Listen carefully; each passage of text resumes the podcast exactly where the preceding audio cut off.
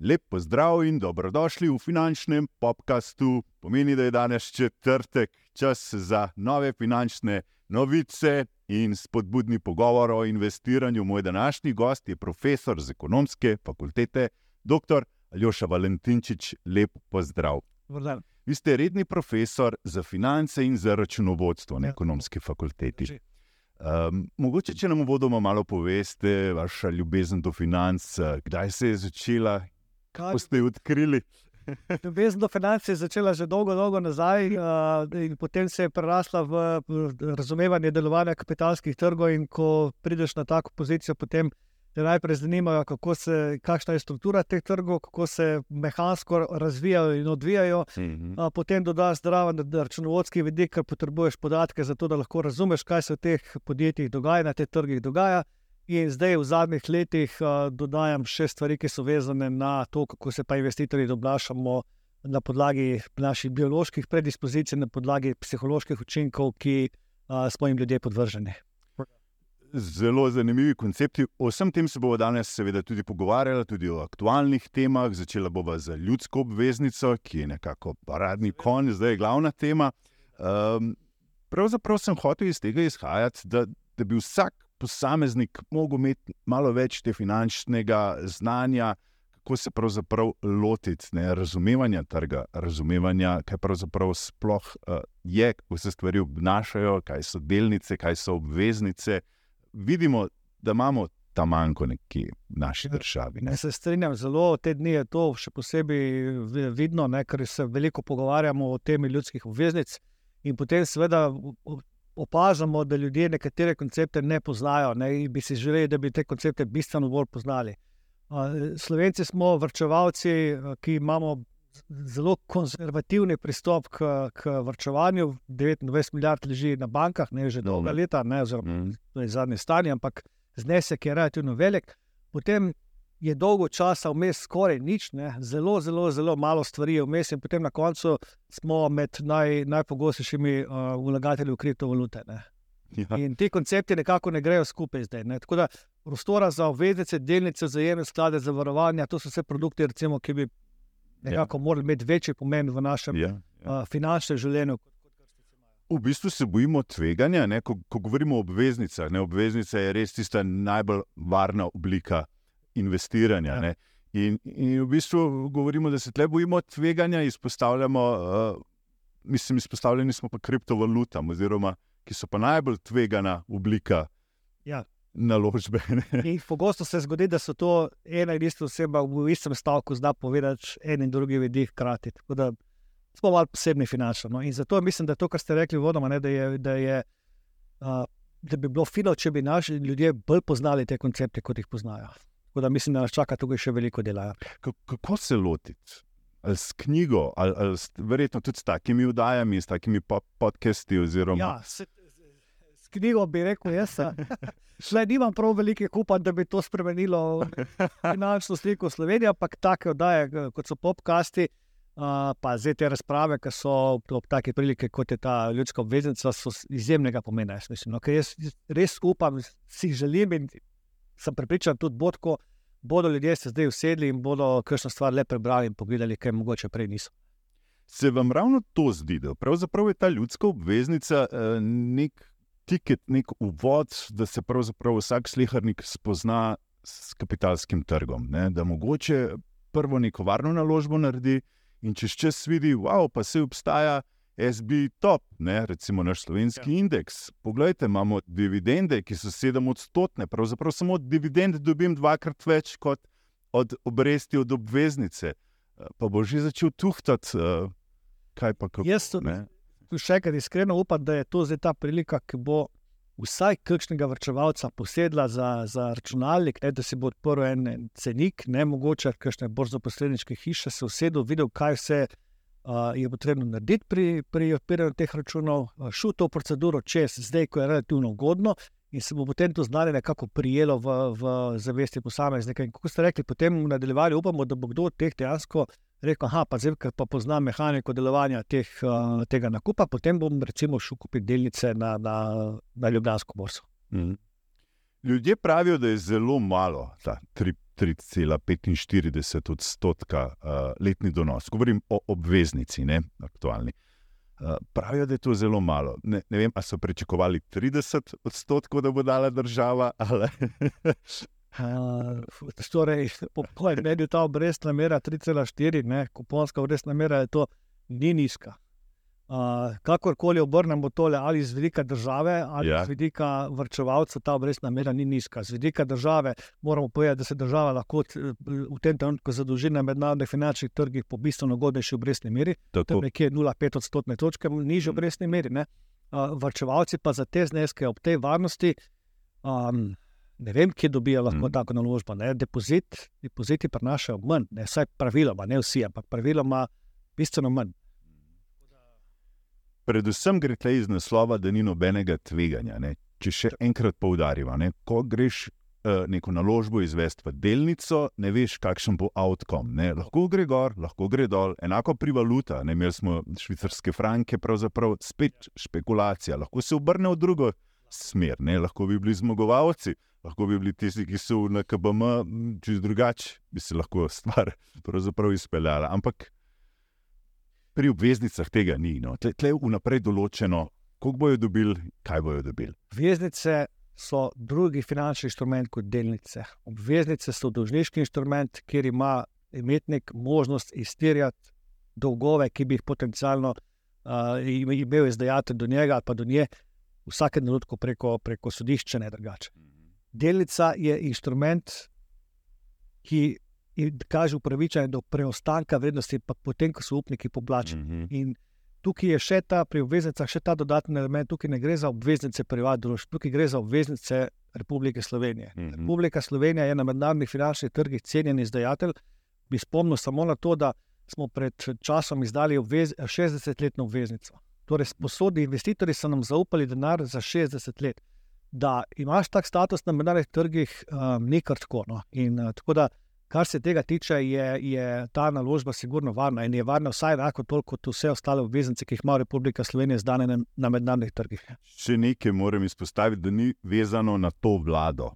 Ker se ne, ne. tudi to, uh, žal, tudi to se meša, da kaj, če ta vlada propade, a potem tudi moje obveznice propadajo. Nima absolutno. Nima nobene veze s tem, kje vlada je gor. Zaveza, nasproti nam je, če bi slučajno se tukaj kaj zgodilo, to bi imelo posledice na mednarodnih trgih. Ja. Republika Slovenija ni važno, kdo, kdo je vladal v nekem trenutku, si ne more prvoščiti nekakršnih uh, eh, spodrsljav na tem področju. Da, kar se tega tiče, mirno bi jaz rekel. Edino, če bi insolvenčnost nastala. Ne? Ampak to je potem pomeni, da se je začela tretja svetovna vojna in da se je nekaj res katastrofalno. Bo čisto vseeno, imamo delnice ali obe rabimo konzervo hrane in to je to. V malih pogojih se bo nič, eh, ne more priti do takih, do takih eh, scenarijev negativnih. Tako je. Ja. Res, res, res je varno. Tako. Torej, uh, Temo zdaj pogledati, pri kakšnem znesku pa se splača uh, izvesti naložbo v obveznice. Ne? Minimalno je, mislim, da 1000 evrov. Ne? Če damo 1000 evrov noter, letno dobimo 34,50 evra. Ja. Uh, tukaj je tako. Ja. Trgovanje z finančnimi inštrumenti nosi sabo določene stroške. Pri izdaji te obveznice se je država dogovorila, verjetno ne z, z temi upisniki, da so bistveno znižali stroške teh postopkov, torej odpiranja trgovalnega računa, ležarine in podobno, ki sicer veljajo za ostale inštrumente. Tako da zdaj pri teh izdajah, te ljudske obveznice, je omejena na, na, na tisoče spodnja meja, sto tisoč pa zgornja meja, ne? fizično mhm. osebe je to omejeno. In zdaj, seveda, če so zneski nizki, ne, potem ti stroške, ki jih imamo z, z računi, z prenosi na, na, na trgovalni račun, z ležarinami in tako naprej, požrejo večino tega donosa. Tako da dejansko kakšen evro več bo treba dati v to naložbo, zato da se vzpostavi nek normalno razmerje. Mhm. Zdaj, a, ko gremo proti večjim zneskom, ne, potem je poleg stroškov še davki. Ne, ko enkrat znesek zasluženih obresti na leto preseže 1000 evrov, potem moramo plačati še davek. Uh mhm. -huh. Torej, 1000 evrov je tega odpustka. Ne? 1000 evrov je odpustka, odpustka uh, moram pa tudi povedati, če imate še kje druge vrčevalne račune, potem se te obresti seštejejo. Ampak recimo, da nimamo, da, da poenostavimo. Imamo, postavimo najbolj optimalno je pri teh podatkih, kot jih zdaj imamo, tam nekje okrog 30 tisoč, je tista meja, kjer se uravnotežijo stroški z uh, investiranjem in davki, in pa donosi, ki jih imamo na Mhm. obveznice. Ker s 30 tisoč evri uh, vložka, pravzaprav imamo nekaj tisoč evrov na leto dobimo. Ja. Tako. In ne plačamo davka, ker teh Tako. tisoč evrov časti država. Tako, pravzaprav. zdaj pa še konkretne situacije, odvisno od posameznika, pa stroški, tam nekje smo. Eh, S tem oni pravzaprav tudi ciljajo na tisti največji segment ljudi, ki ima to privrčevano. Vemo, da od teh 29 milijard, pravzaprav en odstotek slovencev ima največ, ne, oziroma enih tistih par odstotkov zgornjih si držine. Ja, zdaj, verjetno so šli pogledati ta tržni segment, kako izgleda. Ne. Zdaj, tistih, ki imajo zelo veliko, ne, jih ni prav veliko po številu. Ne. In ker je izdaja omejena, pač tudi ti bodo lahko kupili samo za 100 tisoč uh, obveznic. ne. Uh, tako da je verjetno so cilji na segment, ki je pod tem. Ne. Zdaj, Mhm. ljudje, ki imajo nekaj deset tisoč evrov prihrankov na bankah ne, in uh, iščejo zdaj nekaj. Mhm. Eh, Zdaj, od prejšnjega tedna je na Ljubljanski borzi se pojavil tudi uh, en ETF, uh, mogoče to uvodoma razložimo. Prav se mi zdi, da vsako vdajo razlagam, kaj je ETF, ampak tudi možnost torej, nakupa nekih obvezniških vrednostnih papirjev, oziroma dolžniških vre, vrednostnih papirjev, vezani so pa, mislim, na Francijo, Belgijo. Uh, Ja. Zahodnoevropske države, skratka, AA, plus, uh, spet tveganje, ne, zelo varna. No, to je ena alternativa, recimo, ki smo jo zelo pogrešali v tem razvoju našega trga doma. Ne, da bi Ja. v vrčevalci možnost vlagati enkrat v, v, v take oblike. Uh, ETF na splošno pojasnila je pač košarica dobrin. Ne. Isto kot če greš s cekarjem v trgovino in naložite v mleko, pa meso, pa, pa, pa sir. Ne. Mhm. Uh, in potem primete košarico, to je ETF. ne. Mhm. Zdaj, da ne vam ni treba kupovati mleka, pa sir vsega posameznega, kupite enostavno en košček te košarice in imate uh, Vse za nose zajete iz vseh teh različnih verov in ste izpostavljeni tveganjem, ki so pač porazporejeni po tej košari. Uh, in, uh, tako da tukaj noter ta košara si je sestavljena iz, uh, če govorimo o denarnem skladu, ne iz, iz pač visokokakovostnih vrednostnih papirjev uh, držav. Ne, če sem prav zastopal, ne so samo države zaenkrat Tako, ja. najkvalitetnejši izdajatelji. In, um, in je to alternativa temu, kar zdaj govorim. Kot, kot tudi, kot tudi um, alternativa seveda depozitom, ne, oziroma Mhm. v splošnem gre za en, en segment, ki je manj tvegan. manj tvegan.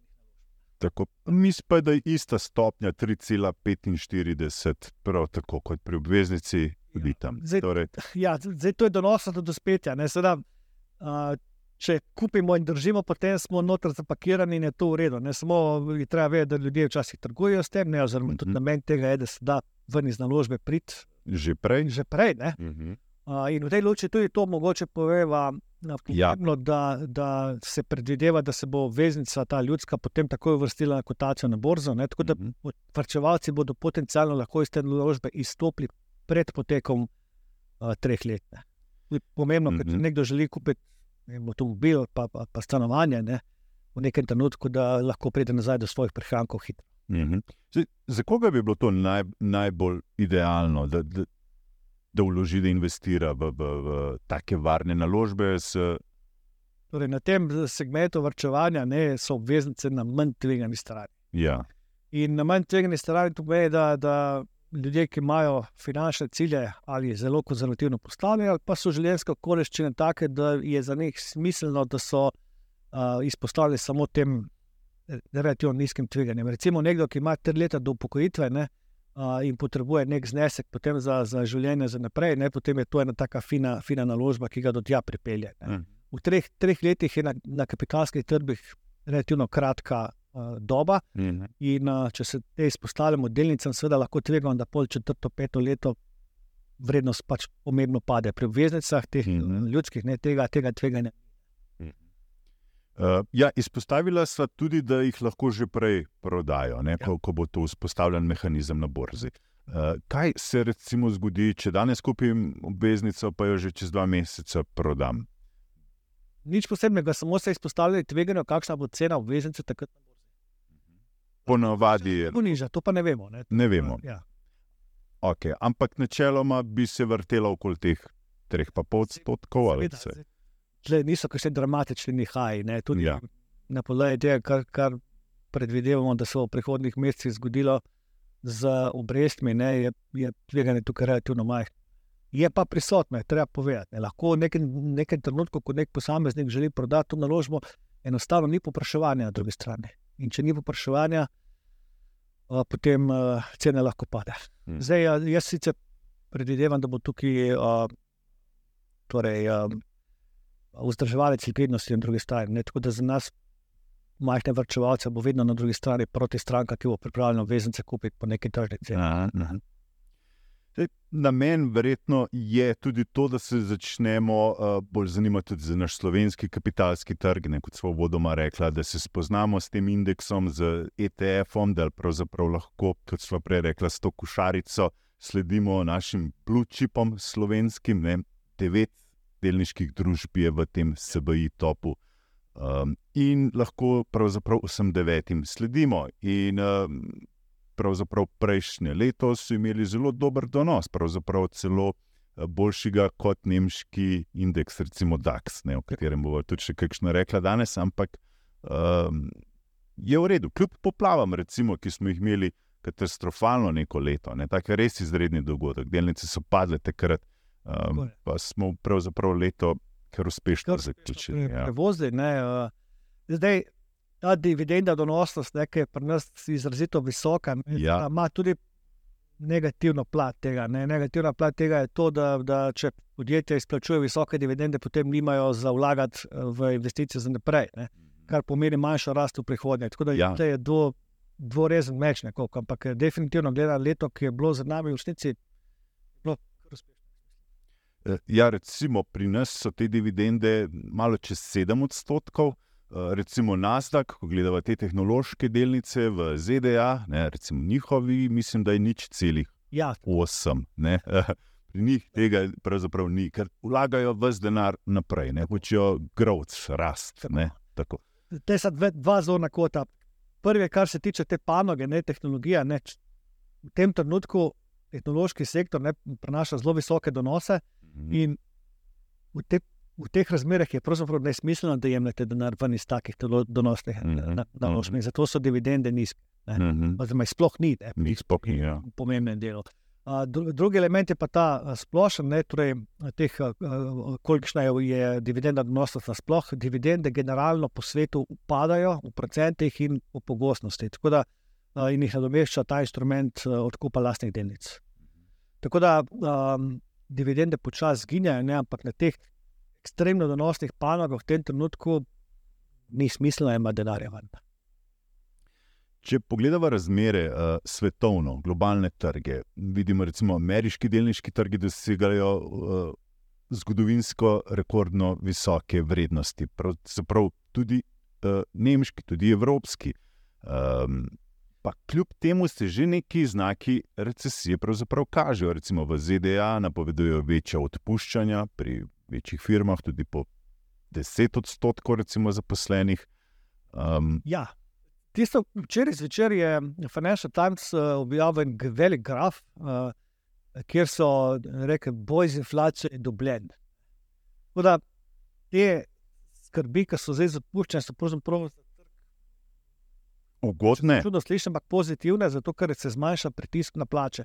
Plače ostaje ena od skrbi, ki so se pojavile v, v zadnjih letih, ne, zaradi visoke inflacije, so seveda standardi zaposlenim padli. Uh mhm. -huh. To treba zdaj nekaj nadoknaditi. Ne, ampak zgleda, da so v ZDA zdaj dosegli nek, nek, neko ravnovesje, ker se bo ta inflacija umirila, hkrati se pa tudi eno malenkost ohladil, ne, a, a, tako da se zmanjša ta pritisk na plače. V Evropi je stvar podobna, samo da po opozorilih, ki so eh, ta, ta val popravljanja teh izgubljenih kupne moči za zaposlene, še ni šel mimo.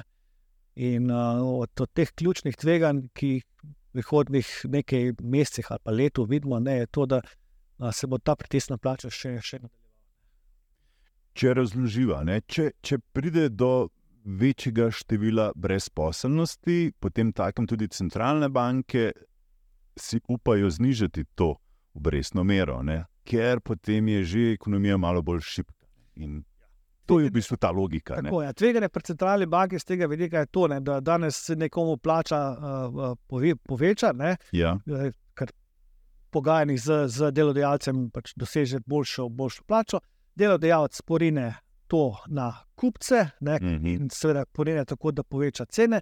V drugem koraku drugi zaposleni zahtevajo višjo uh, plačo, zato ker imajo sedaj dražje dobrine in tako naprej nastane ta spirala. Mhm. Zato je ta veliko hlajanja, gospodarstvo. Ja, tisk uh, zmanjša. Uh, V. Evropi imamo tudi dolgoročne torej, pogodbe, ne te uh, kolektivne, ne, ki, ki so to povečanje držale. Ne, in ravno to zdaj skrbi centralno banko, da se ta, ta cikl še ni v celoti spucal, oziroma da uh, se ni vzpostavilo ravnovesje v, v, na trgu dela. Po izjavah, ki jih daje uh, predsednica uh, ECB, je pa zgleda, da je optimistična v tem pogledu. Skratka, da ne bo prišlo do te spirale, oziroma da se uh, da se bodo ti popravki zgodili na način, da ne bodo zažrli v više cene, ampak da bodo šli na račun dobičkov podjetij. Mhm. To je tudi ena taka tema, ki v naših krogih bila precej da so cene raste ne zaradi plač, ampak zaradi, uh, zaradi ra rasti dobičkov podjetij. ne. Mhm, mhm. Um, odvisni smo v Evropi od izvoza, tudi predvsem, če gledava glavnega uh, igralca v Evropi, to je Nemčija. In um, izvoz se tlele že vidijo neki znaki manjšega. Ne? Potem energija je letos, kljub temu, da so cene plina zelo padle, eh, je še zmeraj precej dražji kot recimo v ZDA, ne? oziroma kot je bil prej v nekem povprečju. Mislim, da celo 60 odstotkov dražji, kot smo Ja. nekega Ampak povprečja. iz istega razloga, kot sem prej govorila, na teh trgih so značilne dolgoročne pogodbe. Mhm. In d- če cena promptna na, na promptnem trgu pade, heh, to nič ne vpliva na to, po kakšnih cenah mi plačujemo na dolgi rok eh, plin ali pa elektriko. To, to je težava. Mhm, mhm. Um, na kitajskem imajo tudi svoje vrstne težave. Ne? Uh, Pravzaprav so tam že na- napovedali nek paket pomoči, ker so delnice pravzaprav padale dlje časa. In Ja. ja. nekako so želeli s to spodbudo, to je bila že sama novica, je prinesla nek dvig in optimizem na delniških trgih. Ne? Ampak ja.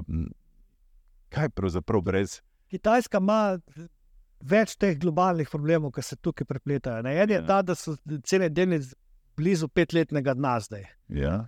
Um, to pomeni, da so vrčevalci zelo nezadovoljni. Pet let je dolga doba po vrčevanju in seveda zdaj vrčevalci so tudi volilci. In v sistemu, kot je kitajski, je treba paziti, da se te stvari lepo izidejo. In zato ta paket eh, pomoči ne, ni več kaj ne- nenavaden, oziroma je celo pričakovan, da se bo tako zgodilo. Mhm. Zakaj so prišli do te situacije? Poleg teh ekonomskih razlogov je pa seveda tudi njihov način delovanja gospodarstva. Se poglejte, kaj se je zgodilo z uh, predsednikom Alibaba oziroma Alipeja, ne Jackom Jack Ma. Ja? in številnimi drugimi tudi. Ne. Tako da Ta efekt, eh, to ne vem, kako bodo popravili samo z, z kvantitativnimi posegi na, Ja. na trg kapitala. Ne. To je stvar, stvar eh, upravljanja podjetij ne, in uh, tukaj uh, Kitajska ni naredila nobene pomembne spremembe.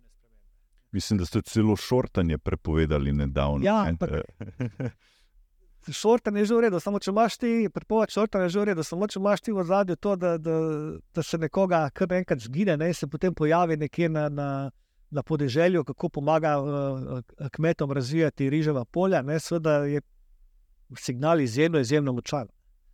In uh, tako da ta, ta vidik corporate governance, ki, ki, ki se je tam pojavil, pač nosi posledice. Ne, in to, to je zdaj tem trenutku zelo lepo vidno. Uh, plus je vidno tudi način, kako gospodarstvo deluje. Zdaj le, ravno zdaj je spet ta uh, težava z uh, to nepremičninsko družbo Evergrande. Ne. mhm. To se vleče že tri pa štiri leta. Ne. Že dolgo, ja. Ni nov problem, ampak zdaj je problem nastal tako, da se je končno nekje zgleda ustavilo in bo ta firma dejansko šla, šla v stečaj. Ne. Zdaj ta firma ima pa 300 milijard eh, dolarjev uh, dolga. Ne. Zelo veliko tega dolga so predplačila, ki so jih ljudje dali za stanovanja. In uh, tako da to reševanje je, je potrebno, ker sicer uh, se, se bodo oškodovali neposredno vrčevalci, ne. Mhm. tisti, ki so kupovali stanovanja. Mhm. Eh, kako lahko to kvantitativno sproščanje, ki ga Kitajska izvaja, vpliva na recimo globalno inflacijo? Je, ima to nek učinek tudi? Je... Ja, inflacija se seveda povzroča slabih učinkov, nima ja. to. Zdaj, gospodarstva so seveda če dalje bolj povezana globalno.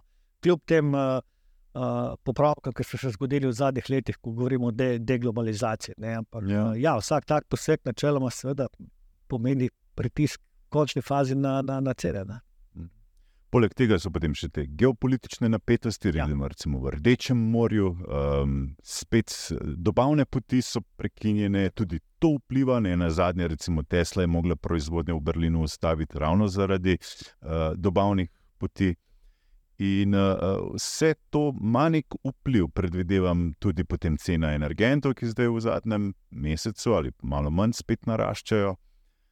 In uh, bi se lahko nek drugi val inflacije zgodil, v uh, istočasno, ko dobivamo več brezposelnih, ko bi pravzaprav centralne banke morale začeti nižati obresti, se znajdemo v taki poziciji, ko bo inflacija spet začela naraščati. Ne? In kaj potem narediti? Bo, jaz mogoče ne bi bil pesimističen v tem trenutku. No, Seveda se zapleti, te so reči, morajo so pomembni, ne?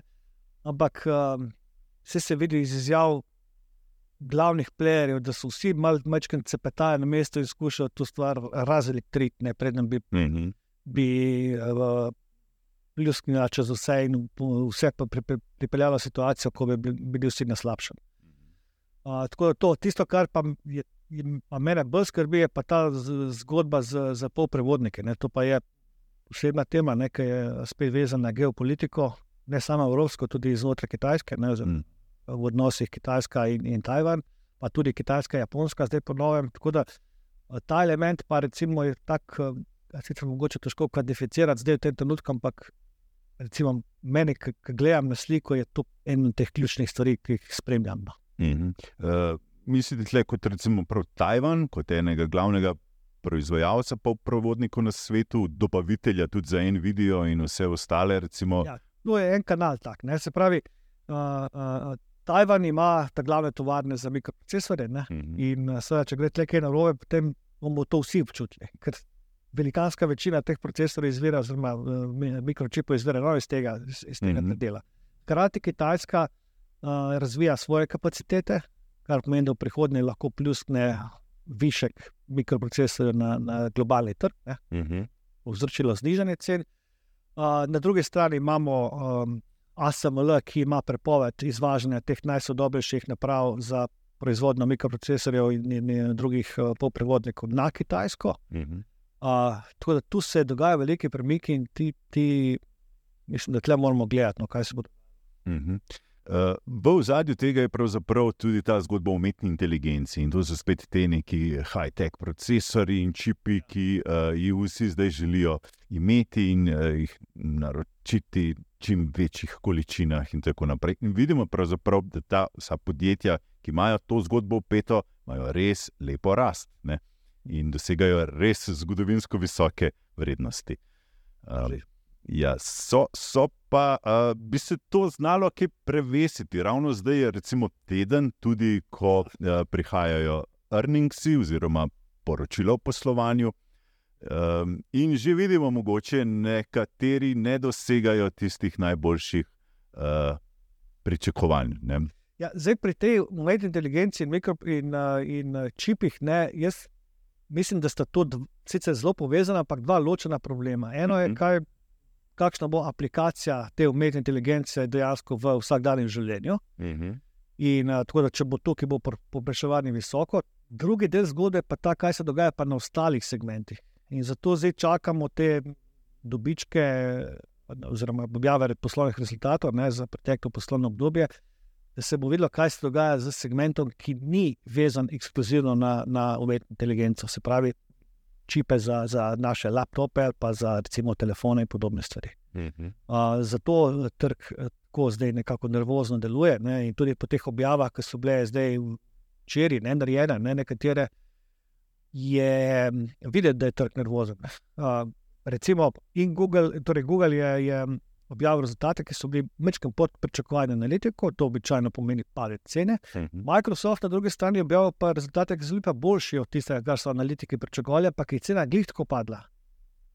Ker je že tako velik. To je največje podjetje na svetu trenutno. Ne? To, ne, Ja. potem po teh segmentih ne, je videti, da se trg še vedno zgleda, da verjamejo v ta razvoj umetne inteligence, in, in ti segmenti so bili ok, ne, ostali Mhm. Tudi AMD, mislim, da je, ja, da je zgrešil. Mm, tudi je padel. Ja. Um, ja, uh, en video tudi še čakamo, ne vem, je, je še tudi ta teden ali je tudi, tudi zdaj le te dni. Skratka, um, tu potem bo že jasno, da stvari niso tako rožnate. ne. Kljub, kljub temu, Ja, sam, zdaj samo, spet bi rekel, ne smemo biti preveč pesimistični, zato ker um, jaz ne vem, da bi se zdaj to zanimanje za umetno inteligenco pa ostale stvari zdaj kar jutri nehalo. Ne. Me skrbi, mogoče kaj bo potem čez pol leta, pa čez eno leto, zaradi, zaradi uh, različnih dejavnikov, ampak, ampak uh, kar se tiče uporabe te umetne inteligence, da bi se to zdaj kar naenkrat prekinilo, vprašanje. Ostali segmenti so pomembni. Google je bil, recimo, uh, problem včeraj to, da niso dosegli planiranih uh, prihodkov iz oglaševanja. Mhm. Na drugi strani pa v plus verjetno delovalo to, da razvijajo ta umetno inteligenco, zelo nadgradnjo.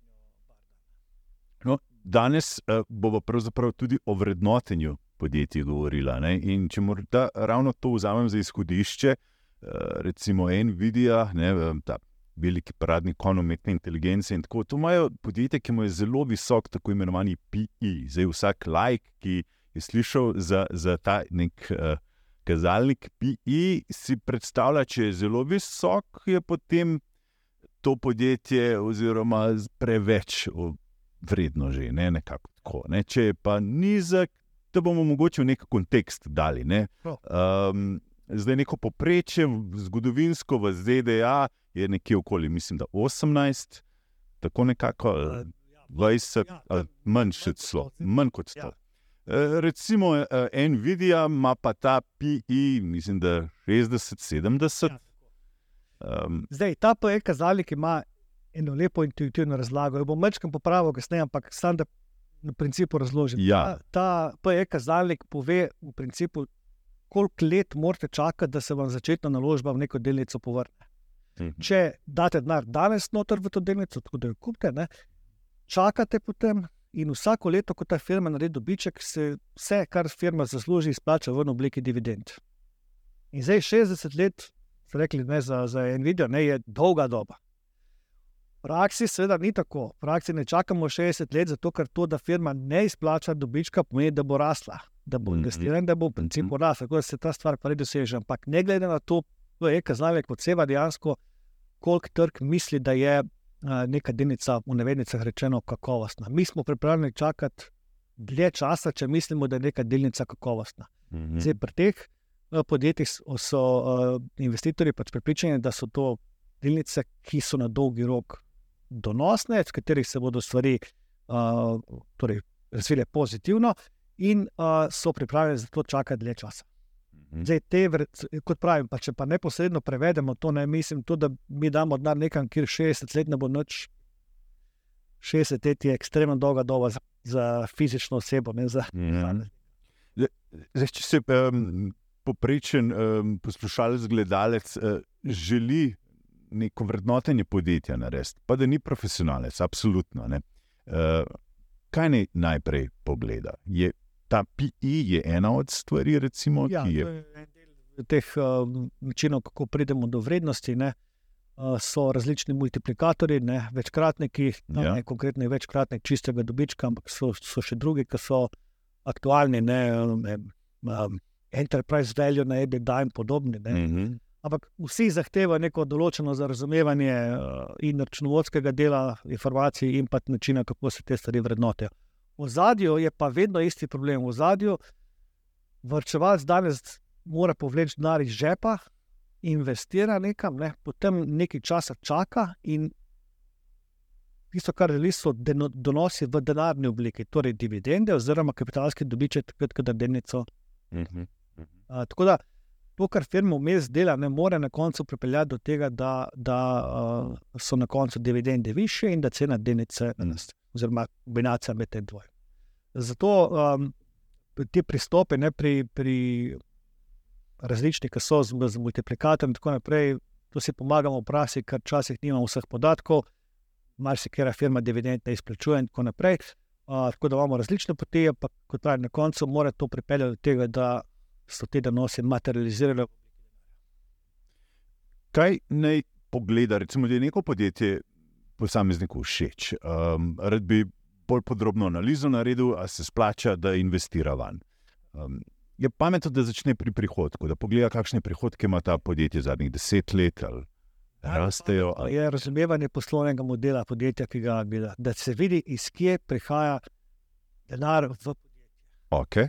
Torej, um, zdaj je nekaj teh, um, rekel, analitikov oziroma strani, ki delajo krasne grafe uh, poslovnih modelov različnih podjetij, da se vidi, iz kje denar prihaja in kje denar, kje na katerih zadevah se denar troši.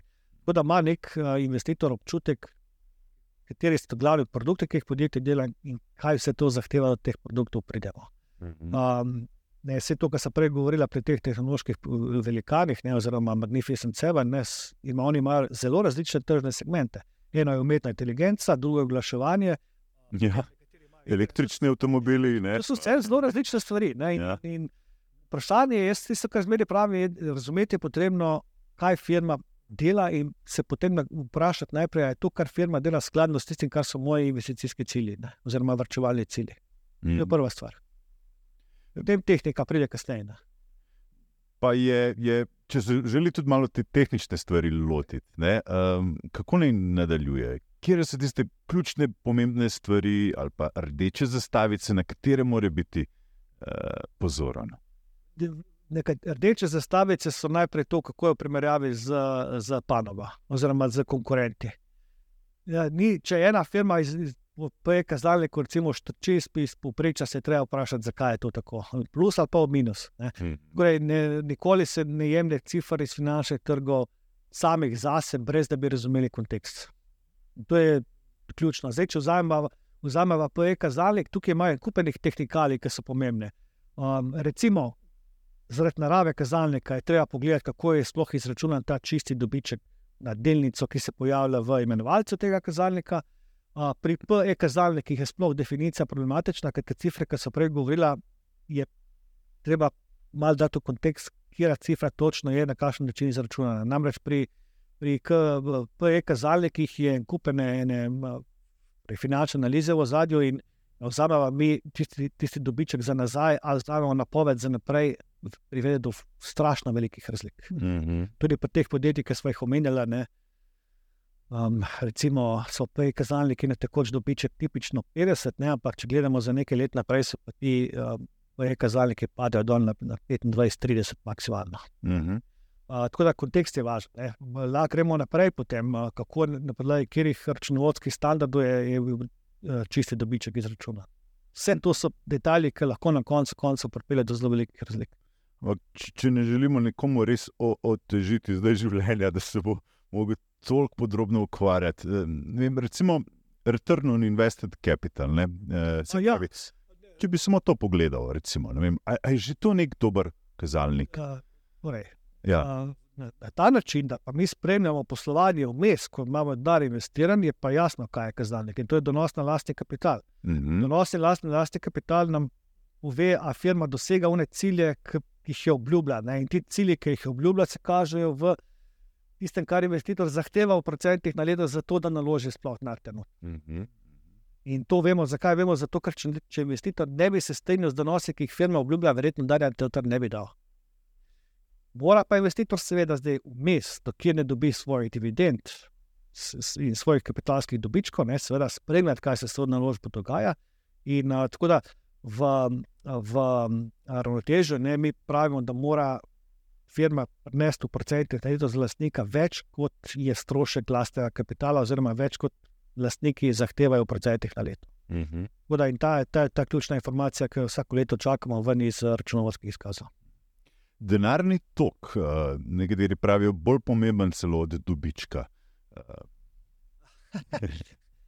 Na koncu moramo mi priti do denarnih tokov, ki jih firma lahko uspe ustvariti za investitorje. Tem ni nobenega dvoma, na koncu je vedno denar. Kako pa mi pridemo do teh napovedi, tukaj se ljudje pa krigajo radi ne? in uh, imate finančnike, ki pogosto trdijo, da je to tekoči denarni tok, ne? ampak iz, iz uh, analiz, oziroma iz raziskav, ki jih imamo na kapitalskih trgih, je seveda so računovodske podatke tisti, ki bistveno boljše napovejo prihodne denarne tokove. Mm -hmm. Zdajšnji denarni tokove. mm -hmm. Um, tudi zaradi načina, kako se recimo denarni tokovi sploh konstruirajo, je, je ta metrika taka, ki v resnici ni ta glavna. No. mm -hmm. je, je to, so to računovodske dobičke. Mm -hmm.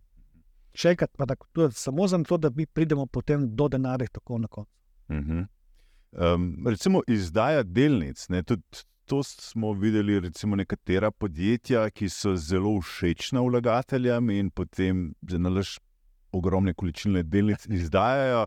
In ljudje se potem niti ne zavedajo, da, da, zavedajo, da je to pravzaprav jih razlastnijo na nek način. Ne? Če, če jih pravzaprav.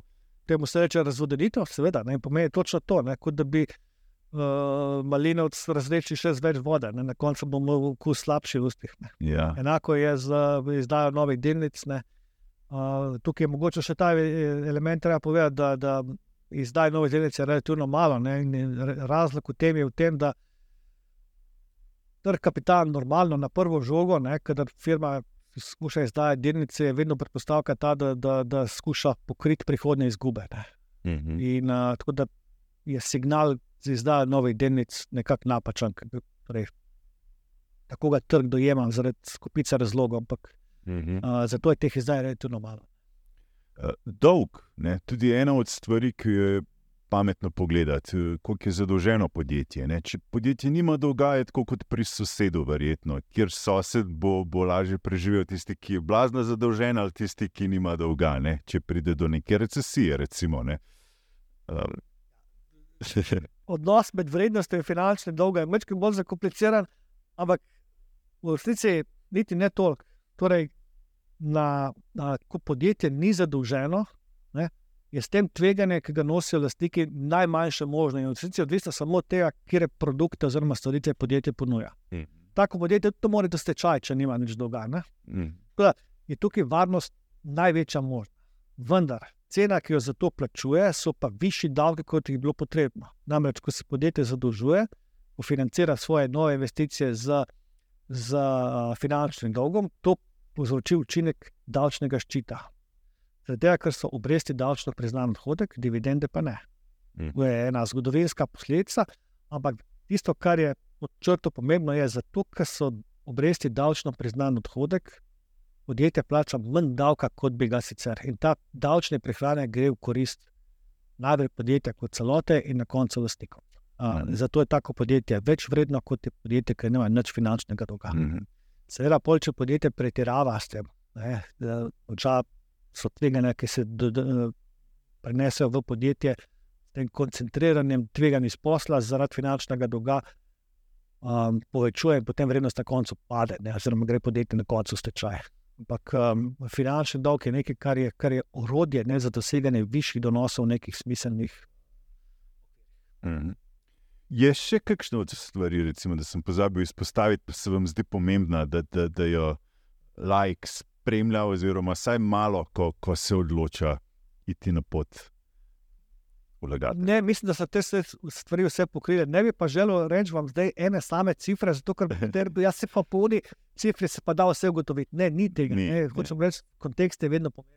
Kontekst in vse to, kar so zdaj predebatirali, probati vključiti Ja. v, v, v nek. Mo- Mogoče, ker sem končala pri finančnem dolgu, poveva še to. Ne, v, Ja. v Sloveniji je zdaj, kar je bila finančna kriza, ne, um, se je uveljavilo pri marsikaterem podjetju pogled, da je finančni dolg nekaj slabega. Ne. Ampak uh, finančni dolg je neutralna zadeva, načeloma v financah, uh, pomaga dosegati više donosnosti tam, kjer je to smiselno, ker so donosi iz posla nizko tvegani in tudi nizko donosni. Uh, uh, je pa iz uh, agregatnih teh bilanc videti, da se podjetja obnašajo, jaz pravim, veliko krat ultrakonzervativno. ne. Mhm. uh, v smislu, da je zelo malo finančnega dolga pri financiranju podjetij in tu struktura je konzervativna. Voda, um, mogoče, no, mogoče za razmislek je na, na kakšnem mm -hmm. drugem nivoju, da bi ljudje vseeno mogli kdaj pogledati, da je smiselno morda povečati finančni dolg, zato da se dosega druge cilje.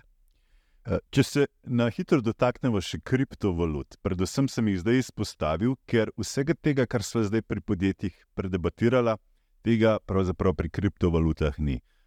Ja, to se zdaj odlično pozeli, kaj, kaj je ta ključni problem pri teh razmislih. Zato sem puščal za konec to. Super. Pri podjetjih, pri teh naložbah, mi imamo vir denarnega toka, zato da se na koncu izplačajo donosi investitorjev. In ta vir je to, da podjetje naredi produkt ali storitev na način, da porabi manj resursov, kot jih potem uspe naprej prodati. Mhm. Skratka, da doseže v navednicah dobiček. Oziroma, da denarni tok na koncu, ko so vse te transakcije plačane. Tako da, a, to je to. In ta stvar se potem preslika na investitorje. Kriptovaluta, v velikanski večini primerov, nimamo tega vira. Zdaj, s tem ni nič narobe. V, v financah, v ekonomiji je, je beseda špekulacija neutralna beseda. Ne? Ampak meni je to, da jaz dam denar nekam, investiram v upanje, ne zato, da bom dobil denarni tok iz prodaje produktov in storitev, ampak da bom nek, nek, nekje nekoč kriptovaluto ali karkoli že prodal nekomu drugemu po višji ceni. Zdaj, če je posameznik za posameznika to sprejemljivo, krasno, ampak je treba vedeti, da je ta ključna razlika pomembna.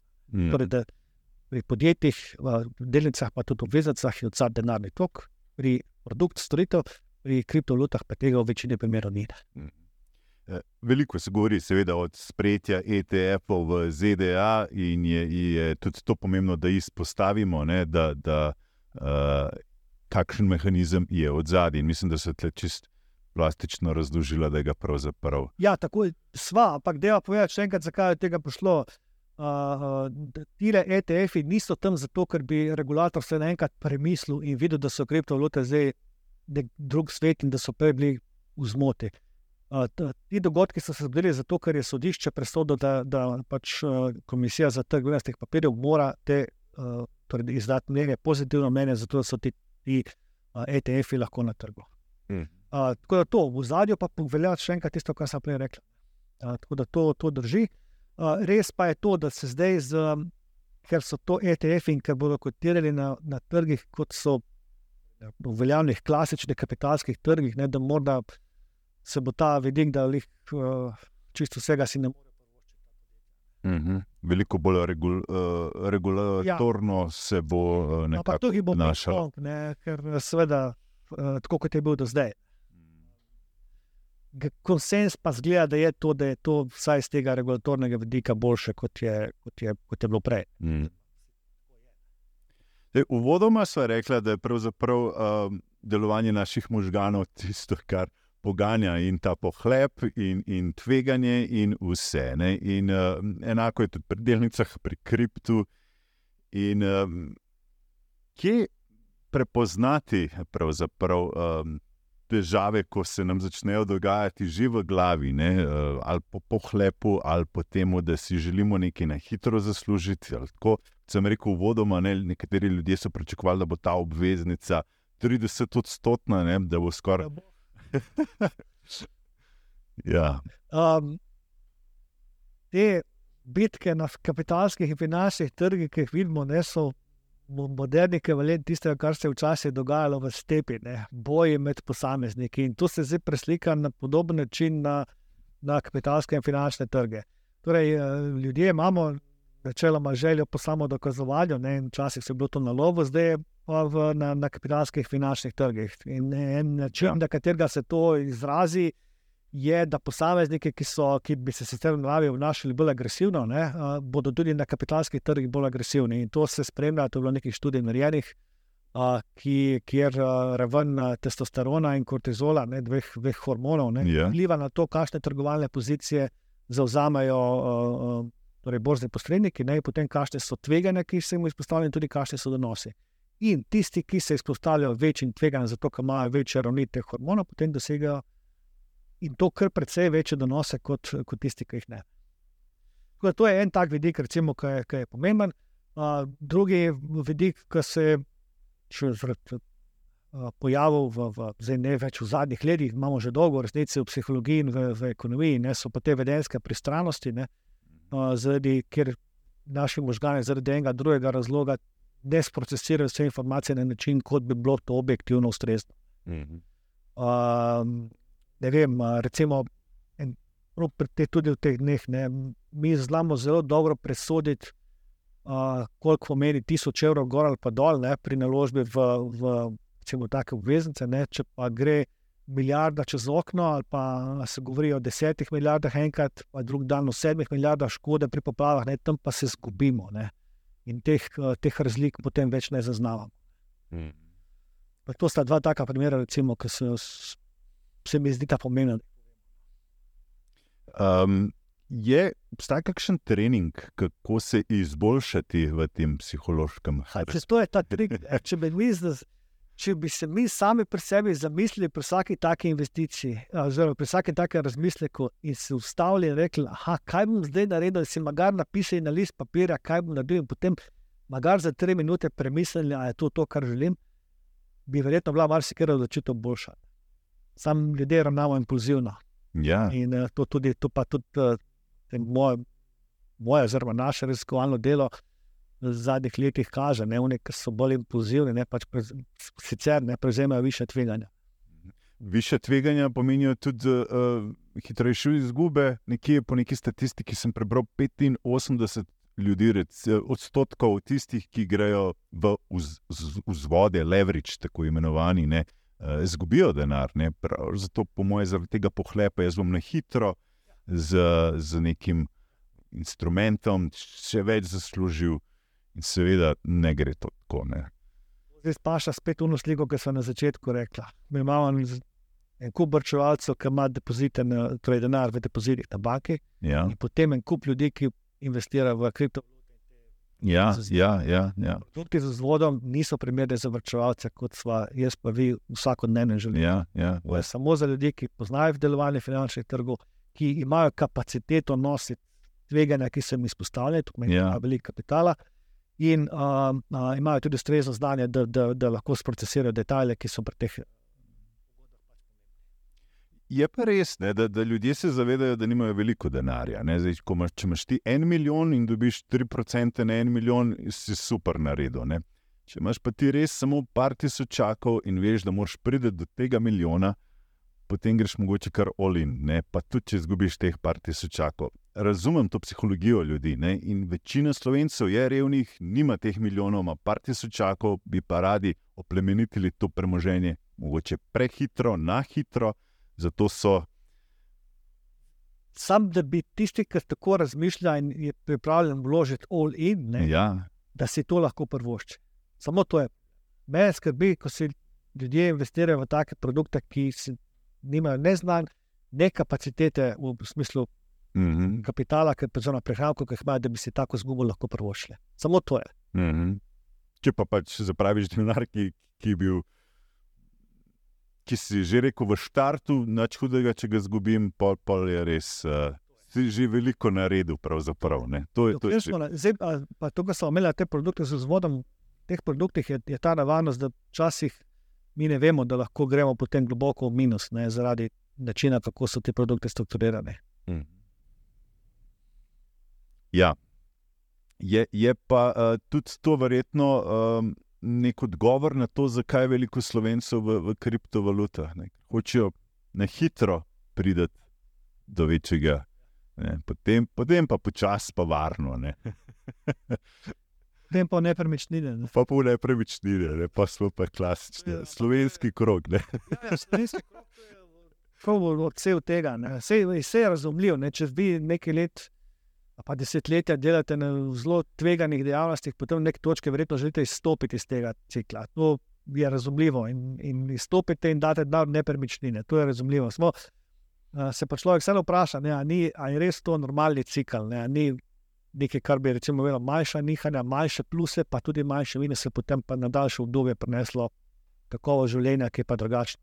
Mhm. Boljše. Vsekakor.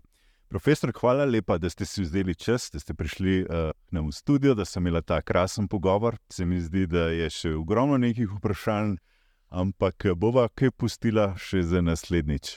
Ste... Hvala za povabilo, da smo res en kupenih tem predebatirali. Moje upanje je to, da bodo ljudje, ko, ko naj jo bojo poslušali, se usedli, pa kakšno dodatno finančno stvar si mogoče prebrali ali pa pogledali v številke. Ja, absolutno. Mislim, Absolutno. Zanimanje je res veliko, tako da zelo koristi. Še enkrat, res hvala lepa za vaš obisk. Ja. Spoštovani, hvala tudi vam za pozornost. Zagotovo ste odnesli kaj koristnega od tega podcasta. Spremljate nas še naprej, vsak četrtek bomo z vami, ob ponedeljkih pa znotraj informativne oddaje Svet. Spremljate rubriko Finančni svet, ob torkih tudi uh, pišem finančne komentarje na 24.com. Hvala lepa za vašo pozornost in uspešen in prijeten teden še naprej. Lep pozdrav. Tudi, tudi, tudi.